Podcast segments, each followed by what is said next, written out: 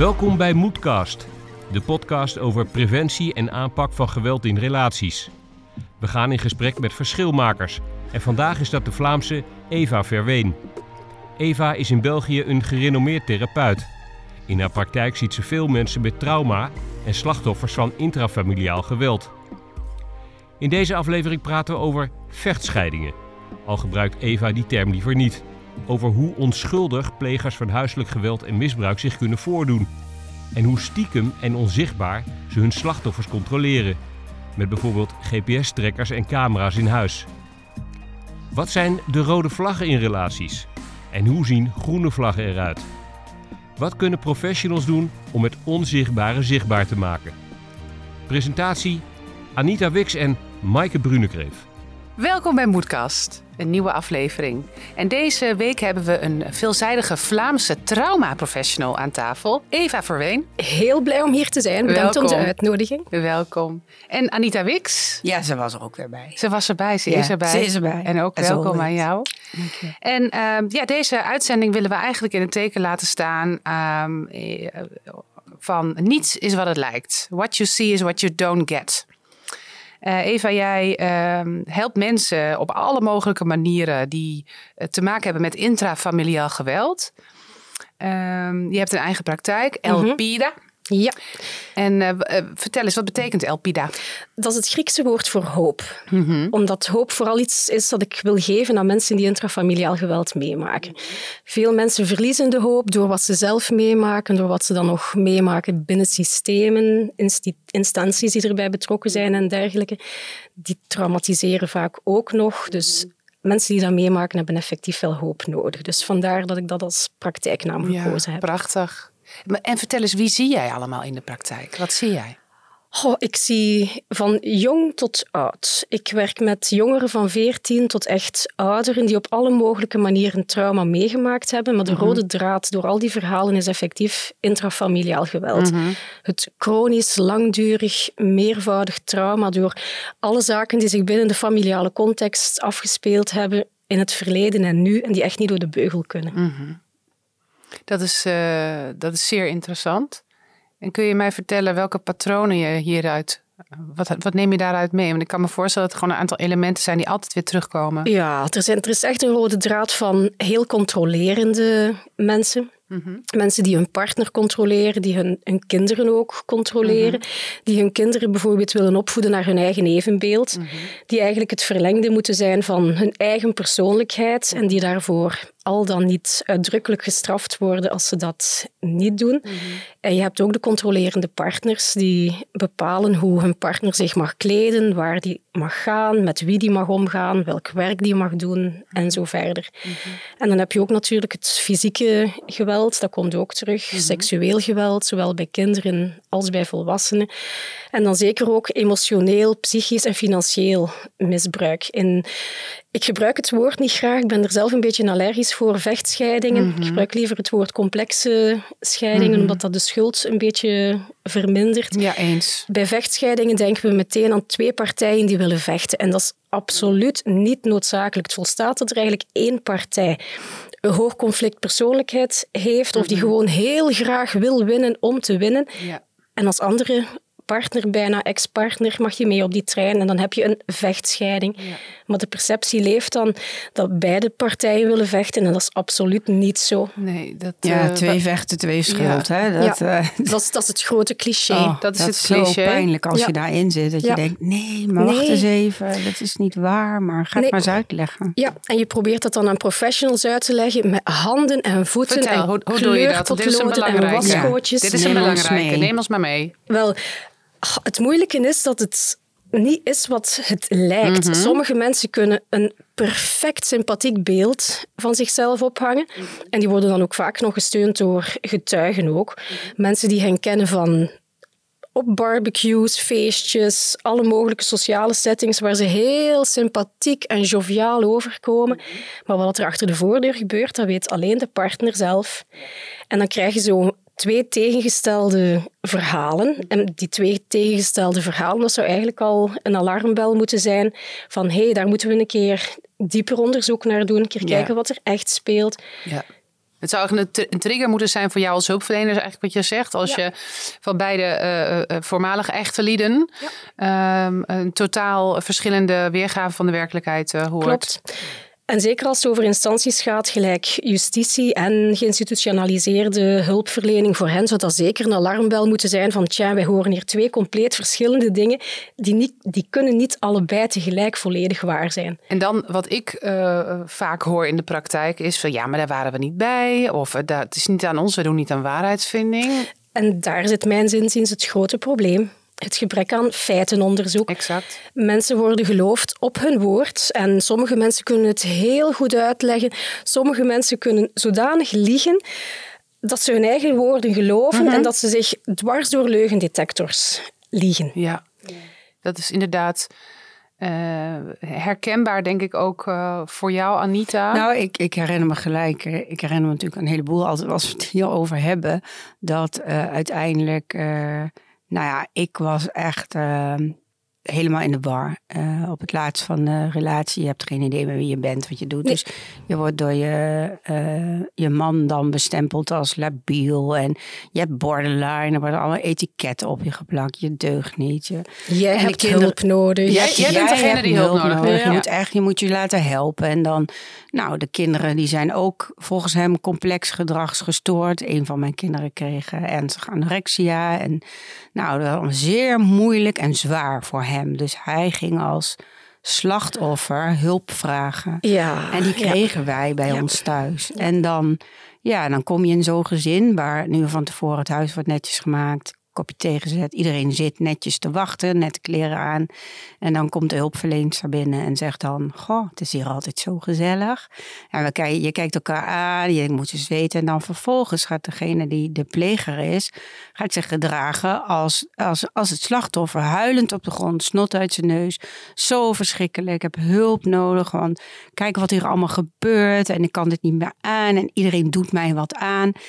En zo ga je daarin. En zo, die, zelfs de hulpverlener wordt dan een jaar lang voor de gek gehouden. Die heeft geen idee, als ze de deur dichttrekt, dat dat helemaal niet klopt. En jij als gezin gaat daar niks van zeggen. Want Het weg. ingewikkelde, ja, en dat Klopt. is het ingewikkelde. Want als omstander, of misschien eh, luister je deze podcast nu en denk je, ja, maar wacht even, dat was mij niet overkomen. hoor. Als, als hij dat zou doen, nou, dan zou ik meteen eh, zeggen van, nou, wat ben jij aan het doen? En eh, stop daar eens mee, want het zit helemaal andersom. Wat maakt dat je op zo'n moment niet optreedt, Anita?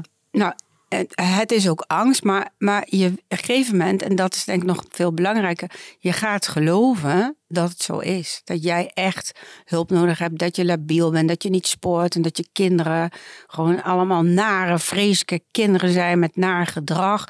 Als het maar vaak genoeg wordt geadresseerd, dan denk je, ja, het komt ook door ons. Klopt. Ja, hij heeft gelijk.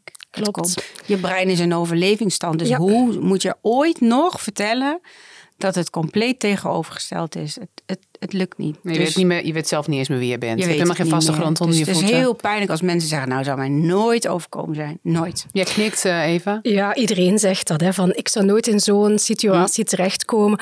Of mocht ik erin terechtkomen, oh, ik zou direct weg zijn. Maar dat klopt niet in de realiteit. Want vaak gaat dat zo danig geleidelijk aan dat je telkens je grenzen verlegt. En je kunt er je vinger niet op leggen op welk moment dat het eigenlijk te ver gaat. Tot het plotseling echt te ver gegaan is. En dat die gaslighting en die manipulatie eigenlijk gemaakt heeft dat je je identiteit verliest. Je, je gevoel van, van zelf, je eigen waarde. Want dat is eigenlijk ook hetgeen dat aangevallen wordt hè, door zo'n partners. Iemand die geen eigenwaarde heeft, die gaat ook niet weglopen. Nou, dat, en dat is wel interessant als je het hebt over eh, deze dynamiek binnen het partnergeweld. Dat is dan toch de dwingende controle, intieme terreur, Zeker. coercive control, eh, zo je wilt.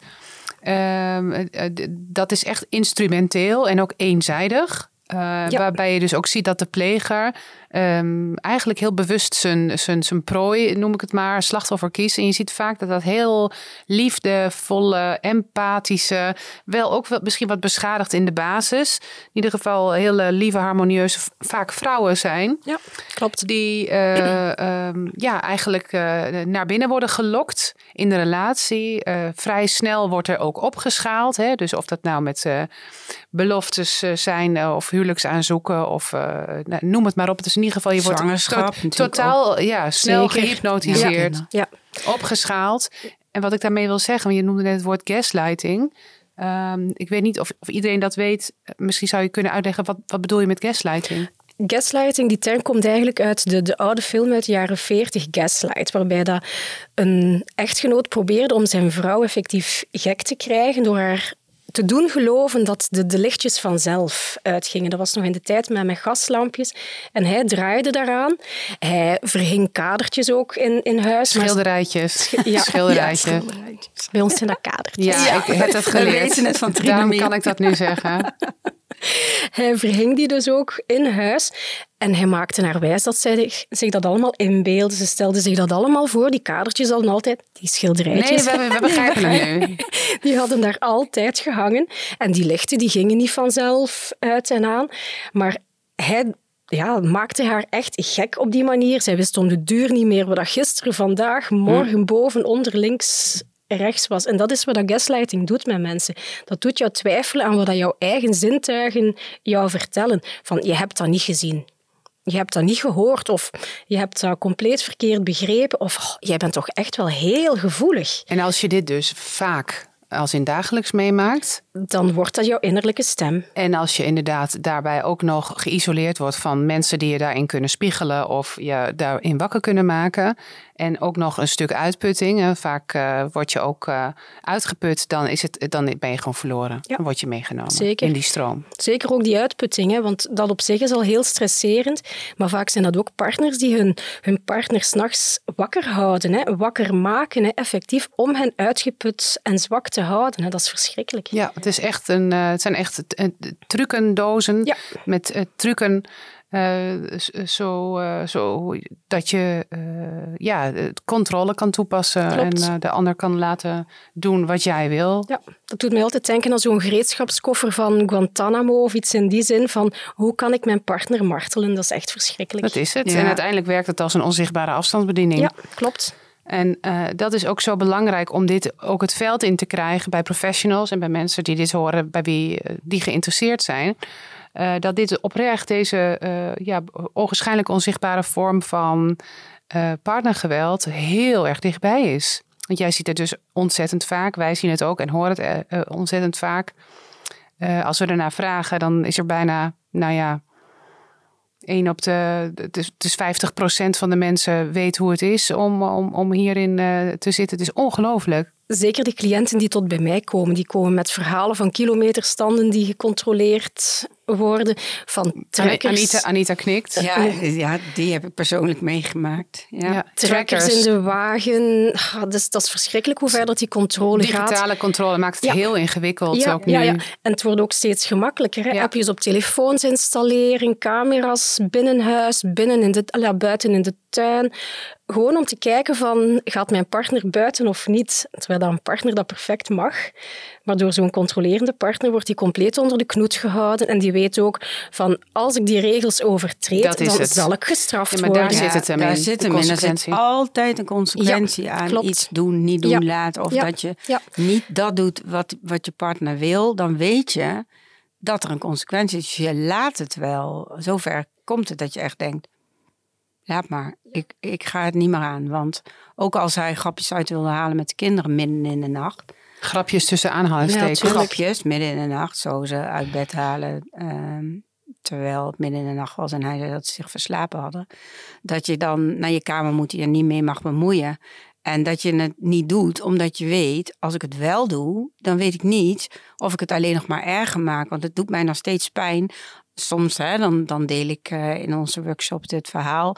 En dan zeggen mensen, oh, maar dat had ik nooit toegestaan. Ik had mijn kinderen beschermd. Ik vind het eigenlijk wel pijnlijk om te horen dat jij dat niet gedaan hebt.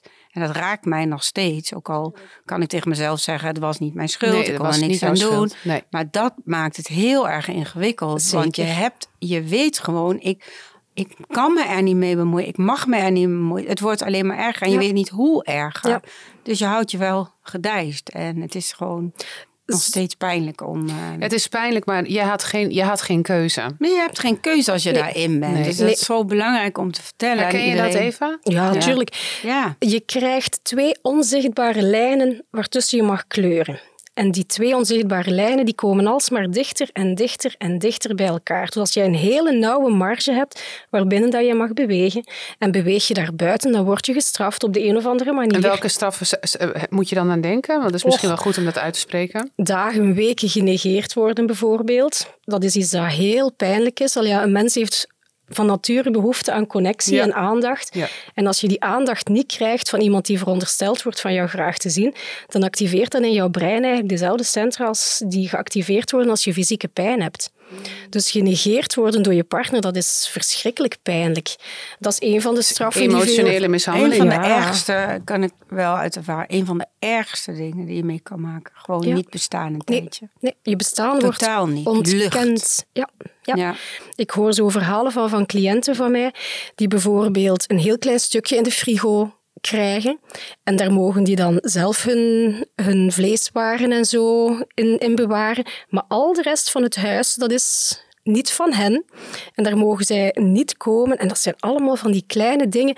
Als je dat vertelt aan iemand die dat nog nooit meegemaakt heeft en die dat niet kent van dichtbij, dan gaat hij zeggen, maar allee, je neemt toch heel die frigo in. Kom op. Voilà, kom op. Doe daar iets aan. Leg jouw spullen waar dat jij wil. Koelkast? Ja, koelkast. Ja. Sorry. Dat klonk wel logisch voor mij. ik wil het gewoon even zeker weten. Als ik het niet vraag, dan weet ik het niet. Zo goed, Mike. Ja, of van, jij mag daar niet komen, of jij mag dit niet doen. En soms wordt dat ook expliciet uitgesproken, maar soms word je ook gewoon gestraft als je het doet en leer je het door ervaring van, ah, dit mocht ik niet mhm. doen. Dit was zo'n consequentie van, ik ga dat effectief niet meer durven de volgende mhm. keer. Ik ga dat niet meer proberen zelfs. Ik probeer altijd ehm, dan de weg terug te vinden. En hoe kunnen wij nu met elkaar voorkomen? Of wat kunnen we hieruit leren? En hoe, hoe kunnen we ja, mensen uh, eerder dergelijke signalen laten zien, inzien? Uh, zodat je uh, zelf beseft waar je in zit en dat het hele ernstige rode vlaggen zijn. Wat, wat, wat, wat zou jij willen meegeven? Goh, ik denk dat het voor mensen zelf heel belangrijk is om te weten van wat is een goede relatie en, en wat niet. Wat zijn groene vlaggen binnen een relatie, wat zijn rode vlaggen mhm. binnen een relatie. Wat zijn groene vlaggen binnen een relatie? Goede communicatie, evenwaardigheid, een, een naastplek hebben. Niet bijvoorbeeld zoals in een controlerende relatie gebeurt, dat de machtsverhouding heel scheef zit, mhm. maar dat je effectief op hetzelfde niveau staat, dat je open en eerlijk communiceert, dat je je partner kan vertrouwen op alle mogelijke momenten dat jullie nu samen zijn of niet. Allee, dat zijn er maar een paar. En ik denk dat voor professionals heel belangrijk is om heel goed te beseffen dat het beeld dat zij zien, dat dat niet is wat er achter de voordeur gebeurt. Want daar speelt het zich echt af. En dat is echt wat mensen gek maakt als er niet naar geluisterd wordt en als ze niet geloofd worden. En welke vragen kunnen hulpverleners dan stellen? Of, of zit het ook nog eerder in een soort mindset? Ik denk dat het een combinatie is van mhm. beide. Ik denk mhm. dat er een zekere handelingsverlegenheid speelt, mhm. waardoor dat ze niet durven doorvragen, omdat als ze op bepaalde zaken stuiten, dat dat soms kan leiden tot het moeten nemen van zeer drastische beslissingen ja, en kordaat eigenlijk, optreden. Ja, dat, heb, dat, en dat snap ik heel goed, want ja, je hebt maar een beperkt uh, amount van tijd. Tuurlijk. En daarbij is het vaak ook heel overweldigend als je uh, je toch wat dringende zorgen begint te maken over iemand. Daar, daar, zit heel veel werk in. En mensen willen ook gewoon geen gedoe en gezeur en uh, klachten aan hun broek hebben. Het zijn allemaal gedachten die dan door het hoofd van een hulpverlener kunnen spelen. Ja, inderdaad. En dat is pijnlijk voor uh, het slachtoffer dat effectief veiligheid en, en, hulp nodig heeft. En zeker als er kinderen bij betrokken zijn. Hè. Ja, absoluut. Maar wat kunnen hulpverleners nu doen? Durven doorvragen vooral. Het gesprek durven aangaan en echt heel concrete vragen stellen. Mhm. Ehm, ik pas zelf bijvoorbeeld de, de MESIC-methode toe als mensen daar om vragen. Nou, dat is echt ongelooflijk belangrijk om daar wat over te vertellen. Ja, want dat is een, een tool die eigenlijk gemaakt is voor uh, bemiddelaars. M-A SIC. M-A-S-I-C, ja. De MESIC. Ja, dat is een, een buitenlandse tool, maar die ook in het Nederlands vertaald is en die hier ook mag gebruikt worden. En in het buitenland, in de Verenigde Staten bijvoorbeeld, is dat de eerste stap die koppels met kinderen moeten doorlopen als zij willen echtscheiden. Dus om te kijken van, speelt daar geweld binnen dat gezin. En welke, vragen, welke vragen worden er gesteld? Dat zijn heel concrete vragen, want er komt er heel veel informatie uit. Veel meer dan bijvoorbeeld uit gewoon open vraagstelling of als je mensen zelf hun verhaal laat brengen. Maar dat gaat heel concreet naar, is er ooit iets naar jou gegooid? Heeft jouw partner ooit iemand gekwetst, pijn gedaan om jou te treffen bijvoorbeeld? Ben je ooit op de een of andere manier bedreigd geweest? Heeft hij ooit zijn handen rond jouw nek gelegd in een poging om jou te wurgen, bijvoorbeeld, omdat dat echt, dat moet echt een rode vlag zijn. Hè. Dit is ook echt een Dit is echt een podcast waard. Niet fatale verwurging. Het naar de, naar de keel grijpen. Dat is een podcast op zich waard. Dat is een podcast op zich waard. Ja, ja. Heel belangrijk om dat te beseffen en daarnaar te vragen. Want iemand die dat doet uit kwaadheid we weten dat al uit de statistieken. Hè. Iemand die, die dat meemaakt, sowieso in een volgend conflict heeft hij 700% meer kans om effectief te sterven door intrafamiliaal geweld, misschien onder een andere vorm, niet door verburging. Dan wordt het familiedrama genoemd, toch? Ja, ja, dat is een familiedrama in de krant, terwijl het eigenlijk puur over controle gaat. En als er dan ook nog een relatiebreuk bij komt kijken, wordt dat 900% Want die relatiebreuk is dan ook nog een keer een extra trigger, voor een controlerende partner. Die gaat de controle verliezen, dus die wil de controle behouden. En dat bekoopt een vrouw in dit geval uh, met haar leven. En dat noem je femicide. Ja, dat is femicide. Dat is geen partnergeweld op zich. Dat is geen klap te veel. Dat is geen huiselijke twist. Dat is zeker geen privézaak. Dat Wij is knikken allemaal heel erg bevestigend. Ja. Dat is iets wat ons maatschappelijk allemaal aanbelangt. Ja, en daar, zit, daar, zit, uh, daar is ongelooflijk veel verantwoordelijkheid, heel veel werk te doen. En in Nederland uh, hebben we daar nog heel veel in te doen. Ook in vergelijking met landen als de UK en Noord-Ierland en Schotland. Maar in België ook hoor. We zijn in België nog maar net beginnen met officiële statistieken bijhouden van het aantal femicides. Tot voor kort waren het vrijwilligers die die statistieken bijhielden. Mhm. Daar kan ik echt niet bij. En daarbij ook de, de strafbaarstelling of de niet-strafbaarstelling. Mensen, eh, de, de plegers komen hiermee weg. Ja, inderdaad. Tot zover. Inderdaad. En dat is net wat er moet gebeuren. Slachtoffers die eender welke vorm van geweld meemaken, die moeten erkenning krijgen. En die strafmaat dat is op zich nog niet zo belangrijk hoor. Maar het feit dat ze gewoon verantwoordelijk gesteld worden voor hun daden, daar gaat het hem om. Ja, eens.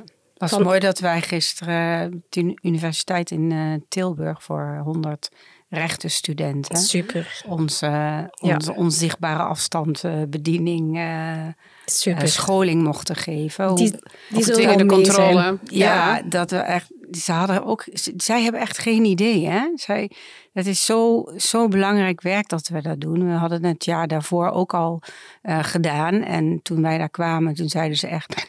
Ja, we hoorden dat jullie weer kwamen. We dachten, we moeten hierbij zijn. Dus ze zijn het niet vergeten. En ja, ja daar worden wij echt, klinkt misschien gek, maar heel erg blij van. Dat er oh, zoveel belangstelling is om naar deze verhalen te luisteren. En ook die, die methode ze kennen het allemaal niet. Dat is niet wat ze daar in boekjes leren. Dus om ze mee te nemen, wat is dwingende controle? Hoe werkt dat? Wat zouden we anders kunnen doen? Dat het niet strafbaar is gesteld nog. Hoe ziet, hoe ziet het eruit in de, in de praktijk van familierecht? Ja. Hoe ziet het eruit in een rechtszaal? En zou het ook kunnen zijn hè, dat het ook 180 graden anders, anders zou, zou deze uh, snot uh, uit de neus huilende uh, slag, slachtoffer uh, zou die ook plegen kunnen zijn. Ja, klopt. Want vaak kunnen plegers echt Oscar-waardige prestaties neerzetten. Hè. Echt liggen huilen op de grond. Dat je denkt van wauw, jij verdient echt wel zo'n gouden beeldje. Maar hetgeen dat jij vertelt, dat is klinkklare nonsens en gewoon grove leugens. Exact. Je staat erbij, dus, je kijkt ernaar, je denkt, denkt wat ah. doe jij? Dus eigenlijk wat we hier ook uit moeten meenemen, hè, dat, want onze uitzending nu staat een beetje in het teken van niets is wat het lijkt. Dus dat iemand mooie woorden en mooie verhalen en met het, de nodig drama kan ophangen die ook heel goed aansluiten bij jouw werkelijkheid of hoe het zou horen of bij jouw wereldbeeld, wil niet zeggen dat dit ook klopt in de praktijk. Dat is heel belangrijk om dat mee te nemen. Zeer. Niet luisteren naar woorden, maar kijk naar de daden. Ja, en kijk naar de patronen in die daden ook. En kijk inderdaad of je een patroon kan herkennen. Ja, ja. want dat is ook iets dat heel vaak gebeurt van we kijken heel naar, als we al naar daden kijken, kijken we naar elke daad op zich. En elke daad op zich, dat is misschien niet zo spectaculair, niet zo schokkend, moeten we niet veel mee doen. Maar als we kijken naar een naar controle, dan moeten we zeker naar dat patroon kijken. Want dat zijn allemaal hele kleine dingetjes op zich, maar die bepalen wel iemands leven. En allemaal samen zijn al die kleine feitjes en kleine gedragingen een heel belangrijk patroon. En we weten allemaal dat controle eigenlijk de, de meest gevaarlijke vorm van intrafamiliaal Mhm. geweld is. Mhm. En daarbij, ehm, eh, dus niet luisteren naar woorden, maar kijk naar daden, is het ook belangrijk dat je elke keer als hulpverlener ehm, jezelf dwingt om je blik te vernieuwen, je, een, weer een verse bril op te zetten en opnieuw te kijken van wat gebeurt hier. Eh, en ook goed te luisteren naar wat iemand zegt en wat iemand doet. Klopt zeker. Want iemand kan bijvoorbeeld perfect een hulpverleningsplan ondertekenen, maar daar niks van uitvoeren. En Exactly. voor de hulpverlening zou dat eigenlijk een grote rode vlag moeten zijn. En zouden die minstens moeten bevragen van, tja, waarom heb je daar niks van uitgevoerd? Van wat heeft er jou tegengehouden? En dan moeten ze ook durven doorvragen en niet te snel blij zijn met de uitleg die ze krijgen. En, en nog een stap verder vind ik, ehm, afgezien eh, van dit stuk wat heel belangrijk is, waar, eh, waar eh, is de moed om te begrenzen? Want het gaat over beschermen en begrenzen. Soms moet, moet het ook gewoon moet iemand opstaan en zeggen van eh, tot hier en niet verder. Klopt, klopt. En dan komen we terug bij die handelingsverlegenheid, denk Ja. ik. Ja. Ja, en daarom is, is er ook gewoon beleid en, en, en een soort eh, handelingskader of handelingskader nodig Ja. voor professionals, zodat ze dit Inderdaad. kunnen, hierin getraind kunnen worden, het kunnen oppakken. Ja, Want klopt. mensen willen dit wel, maar ze weten gewoon niet wat ze moeten doen.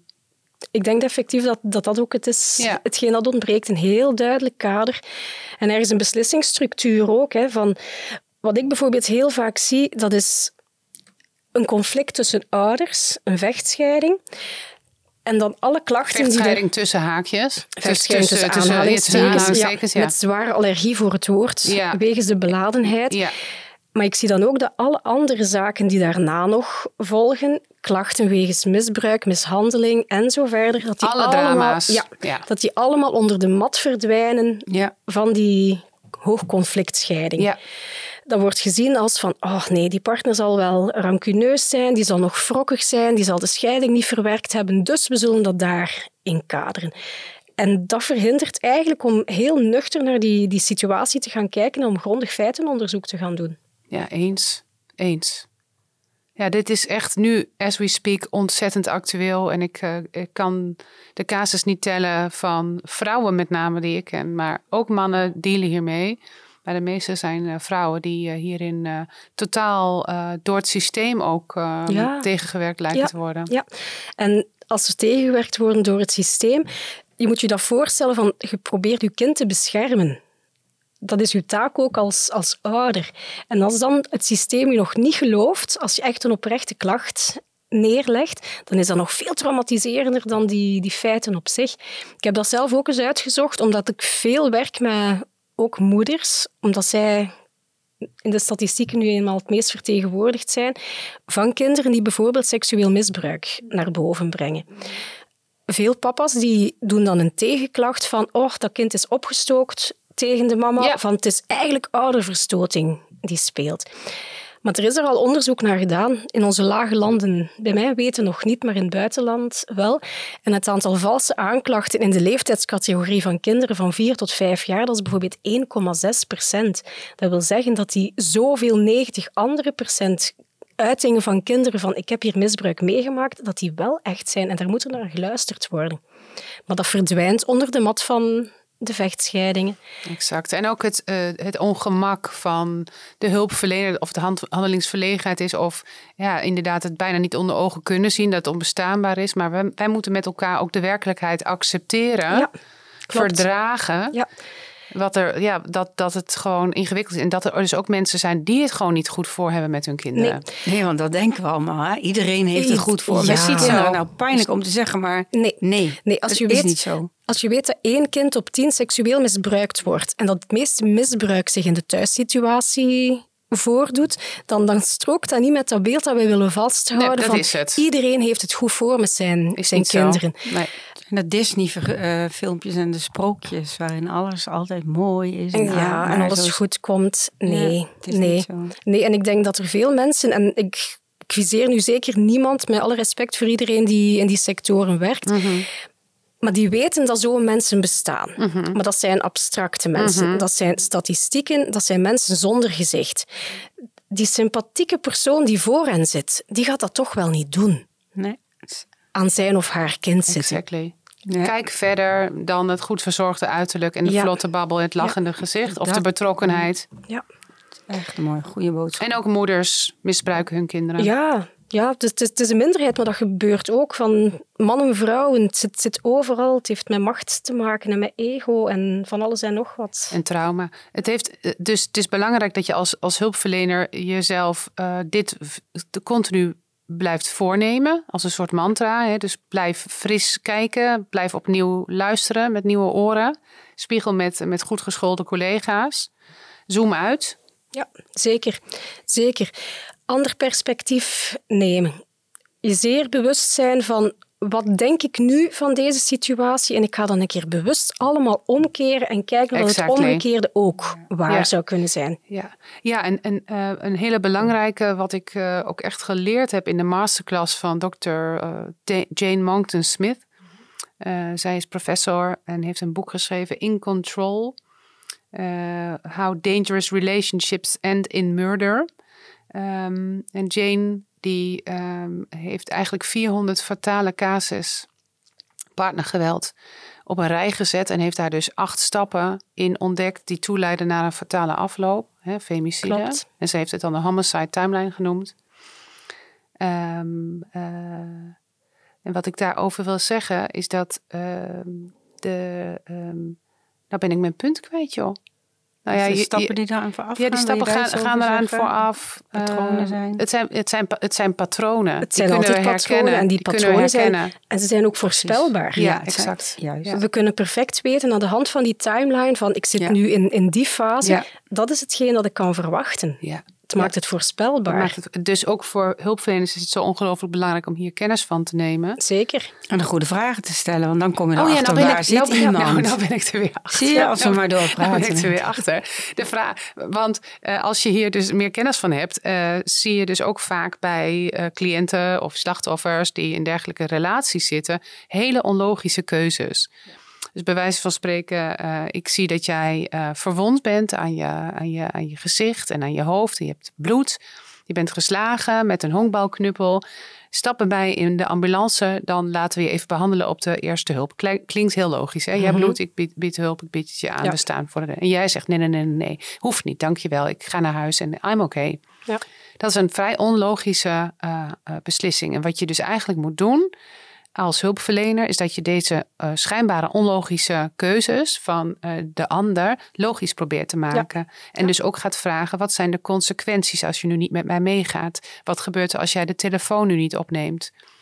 Precies en dat, dat. is zo ongelooflijk belangrijk. Dus soms dan Ja. denk je echt van: nou, snap jij het? Ik niet. Ja, ik we hebben lang- wel eens gevraagd. Ja. Hè? Mhm. Toen we een training gaven bij de ambulance medewerkers. Die, zeiden, die zeggen dan, ja, nou, ze wil zelf niet mee. Ja, ze is en volwassen dat is vrouw, het. toch? Instappen, wegwezen. Ja, volwassen We hebben het gevraagd. wil, We hebben het we gevraagd. hebben het gevraagd, maar wil niet. Dus, en die vraag, Ja. wat is de consequentie? Als je mee, dan wil nog niet zeggen dat ze dan instapt. Maar dan kan je wel uitzien hoe iemand daarop reageert. Tuurlijk. En je geeft ook iemand, iemand daadwerkelijk het, het onderwatergevoel van ik zie jou wel. Oh, Ja. dat Ja, je ik denkt, zie jou wacht wel. even, ze hebben... Ja. ze En En je weet- plant een zaadje dat. That's Wij it. zijn van de zaadjes. Ja, that's it. Ja. Ja. Dat, dat maakt dat de drempel lager wordt voor de volgende Ja. keer misschien wel een andere keuze te maken. Precies. Maar dat zijn allemaal zaken die wij te makkelijk voor lief nemen. We aanvaarden die antwoorden van ja, zoals je zegt, van een volwassen persoon, eigen keuze, wij zijn weg. Maar zulke zaken die ons niet logisch lijken, moeten wij in vraag durven stellen. Ja, dus dat is een hele goede dingen die eh, on, onlogisch zijn. Logisch maken. Ja, Ja. ja. dat maakt veel zichtbaar. Ja, oh for sure. Ja. En wat gebeurt er als jij zo'n MESIC eh, toepast? Over zichtbaar worden eh, gesproken. Dus je hebt dan twee eh, cliënten, die zitten in een, eh, een complexe scheiding. En allebei hebben ze een volstrekt andere weergave van de, van de, de dagelijkse werkelijkheid. Wat is Ja. dan een volgende stap? Wel, meestal, ik werk met, met één cliënt, Mhm. meestal. En ik gebruik dat vooral als, als therapeutisch hulpmiddel. Om, ik werk niet voor een instantie, dus Mhm. ik heb niet de macht om dat met de beide partijen af te nemen. Mhm. En vaak wil de tweede partij ook niet meewerken, dus werk ik dan met één cliënt verder. Mhm. en gebruik ik dat als therapeutisch hulpmiddel, omdat daar zodanig Voor veel... bewustwording. ja, inderdaad. Er komt daar zodanig veel informatie naar boven waar ze zichzelf niet meer echt van bewust waren. Van ik heb dat ook meegemaakt. Ja. En dat maakt dan dat er veel meer kan, kan geheeld worden aan, aan kwetsuren ook. ja, mooi. Zo geef je woorden. Ja, Ja. Ik, geef, ik geef daar talen effectief. Omdat het echt een heel gestructureerde vragenlijst is, die ik ook echt moet aflopen zoals het op mijn formulier staat.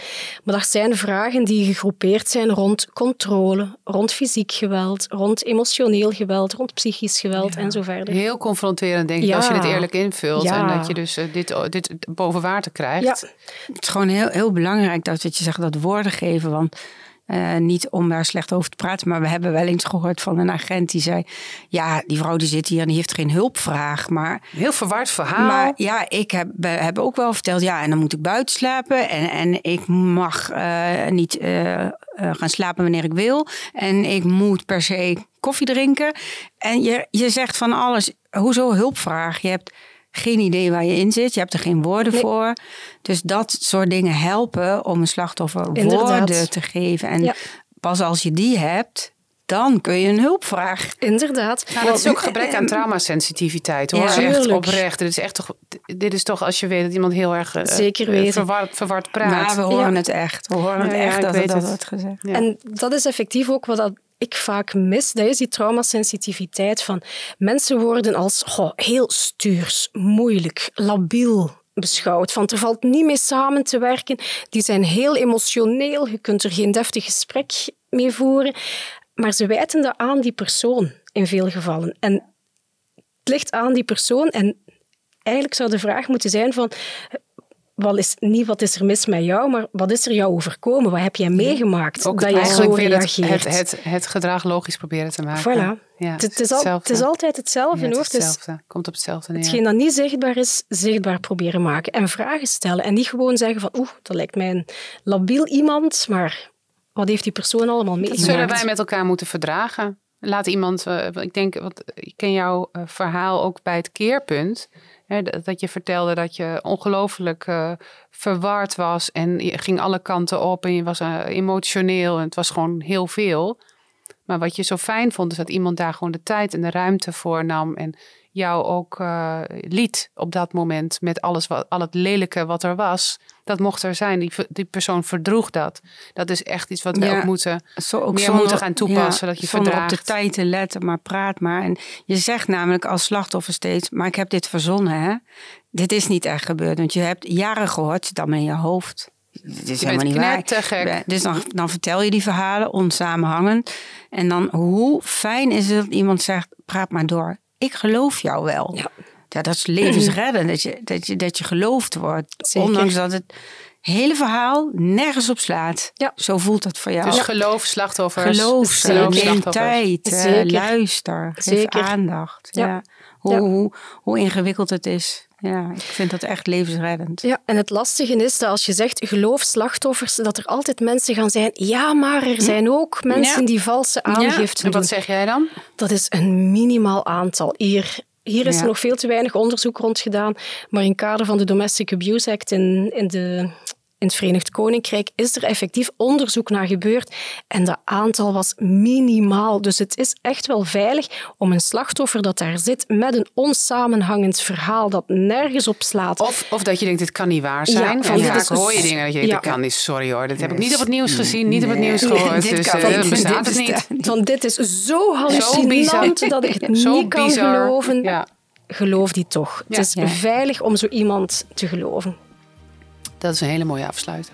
Geloof slachtoffers. Geloofslachtoffers. ja. Inderdaad. Dankjewel Eva. Eva Met veel Verween. plezier. Eva, je hebt een hele mooie Instagram-account, wil ik toch even zeggen. Die volg ik graag met hele mooie quotes. En, En ook, en op LinkedIn. ja, mooi. Eh, Ja, ik volg dat. eh, Praktijk LP. Dus ik wil het toch even zeggen. Dat ik eh, daar wel heel blij van Mooi word. compliment. Dankjewel. Dank je. Oké.